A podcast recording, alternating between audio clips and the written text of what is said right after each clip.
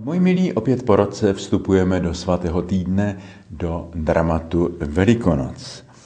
Letos nabízím jako klíč k porozumění poselství Velikonoc jednu myšlenku. Křesťanská víra spočívá v tom, že čteme velikonoční evangelium jako příběh s otevřeným koncem. K této myšlence se budeme během svatého týdne opakovaně vracet.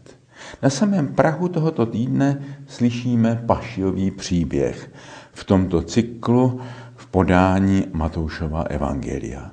Na Velký pátek uslyšíme jinou verzi Pašie podle Jana.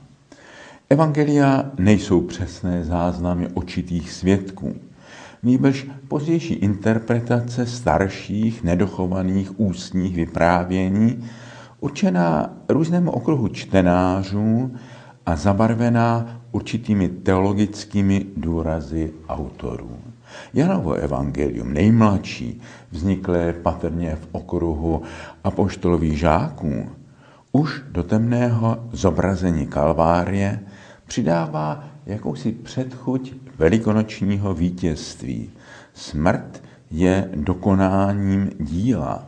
Ježíš pokojně odevzdává svou duši do otcových rukou. Toto završení Matoušovo evangelium nezná. Podle Matouše jsou poslední zřetelná Ježíšova slova naopak drásavá. Eli, Eli, matáni, Bože můj, Bože můj, proč si mne opustil? Pak následuje už jen neartikulovaný poslední výkřik Ježíšovy agónie. Drama Ježíšova utrpení je v Matoušových paších jakoby otevřené, bez smírného slova o dokonání díla. V posledních letech rozvíjím ve svých textech myšlenku, že Ježíšův velikonoční příběh je jedinečný, avšak není uzavřený. Můžeme k němu přistupovat jako k procesu, který tajemným způsobem pokračuje v dějinách světa, v dějinách církve i v příbězích každého z nás. Podobně jako starověcí teologové mluvili o pokračujícím stvoření, creatio continua, můžeme snad mluvit o pokračujícím Kristově utrpení, smrti a vzkříšení, passio continua a resurrectio continua. Slyšeli jsme Matoušovi pašie. V jakém smyslu můžeme mluvit o pokračujících paších, pokračujícím Kristově utrpení? Dá se říci, že Ježíšovo utrpení určitým způsobem pokračuje v bolestech církva i trpícího lidstva? U svatého Pavla nacházím pro toto tvrzení určitou oporu. V listě Kolosanům, 24. verši první kapitoly, Pavel píše o tom, že on sám svým utrpením pro církev doplňuje to, co zbývá do míry utrpení Kristových. Toto tvrzení nijak nezeslabuje jedinečnost události kříže, avšak vidí tuto událost rozprostřenou do celého dalšího běhu dějin. Mnozí svědci a nejen mučedníci vnímali svá utrpení jako účast na tajemství kříže, na velikonoční proměně. Nejhlubší tíži bolesti a smrti je to, že člověk může v okamžiku krize dostat závrať, při níž se mu zdá, že je konfrontován s nicotou, s nesmyslností.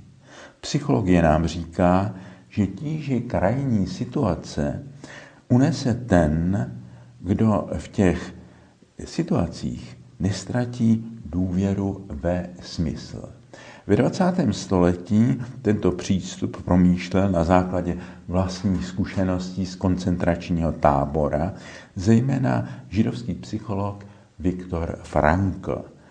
Počínaje autobiografickou knihou Psycholog prožívá koncentrační tábor v češtině a přesto říci životu ano, vypracovává psychoterapeutický směr nazvaný logoterapie, léčení smyslem.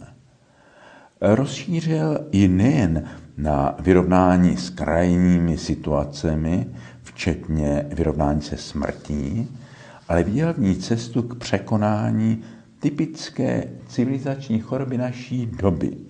Nazýval ji noogenní neuróza, pocit prázdnoty a absurdity. Je to prožitek úzkosti a odcizenosti, popsaný v existencialistické filozofii a literatuře. Tyto motivy jsem si nedávno uvědomil při shlédnutí dokumentárního filmu o naší společné nedávné zkušenosti, onom zastavení času v době pandemie koronaviru. To období jistě lidé u nás prožívali různě. Nejvíce se jistě dotklo těch, kteří sami zakusili těžký průběh nemoci, kdo bezprostředně pomáhali nemocným, anebo ti, kteří ztratili někoho blízkého, nebo dokonce více rodinných příslušníků či blízkých přátel. Při tom filmu jsem si uvědomil, jak mnozí z nás, včetně mne samotného, jsme tíhu toho času rychle vytěsnili z paměti. Možná také proto, že sice bezprostřední pocit ohrožení pominul, ale svět se nevrátil k normálu. Zvláště to, co se děje na Ukrajině. Mnohé z nás, a i mě se to velmi týká, emocionálně zasahuje a vyčerpává. A to i tehdy, když na to přímo nemyslíme nebo nesledujeme obrazy válečné zkázy asi eh, se nemůžeme odříznout od dění ve světě. Každodenní reportáže z mnoha nepokojů v různých místech světa, ve Francii, v Izraeli, v Africe, svědčí o globálním neklidu naší doby. Masové projevy zmatenosti, strachu a agresivity se projevují i na našich náměstích a nezodpovědní demagogové zneužívají eh, tyto pocity a rozmichávají je. To je duchovní klima, v němž nyní máme slavit Velikonoce. Přiznám se, že jsem letos opomenul mnohé z toho, co kdysi naplňovalo eh, mou posní dobu. Letos jsem pro pobožnost křížové cesty nevyhledával o něch 14 obrazů v kostelích, ale těmi obrazy křížové cesty se mi stávaly ty obrazy na televizní obrazovce. To byl vydatný zdroj k rozjímání o utrpení, které na sebe vzal syn člověka. O něm píše prorok Izajáš. Neměl podobě ani krásy, muž bolesti, znalý utrpení, byl proboden naším proviněním, našimi vinami trýzněn a byli jsme uzdraveni jeho ranami. Ano, i pro nás věřící není lehké najít smysl toho, co nyní se se světem děje. I má modlitba se někdy podobá výkřiku na kříži. Bolesnému proč na hraně propasti nesmyslnosti. Bráním se laciným odpovědím i zbožně se tvářícím laciným odpovědím.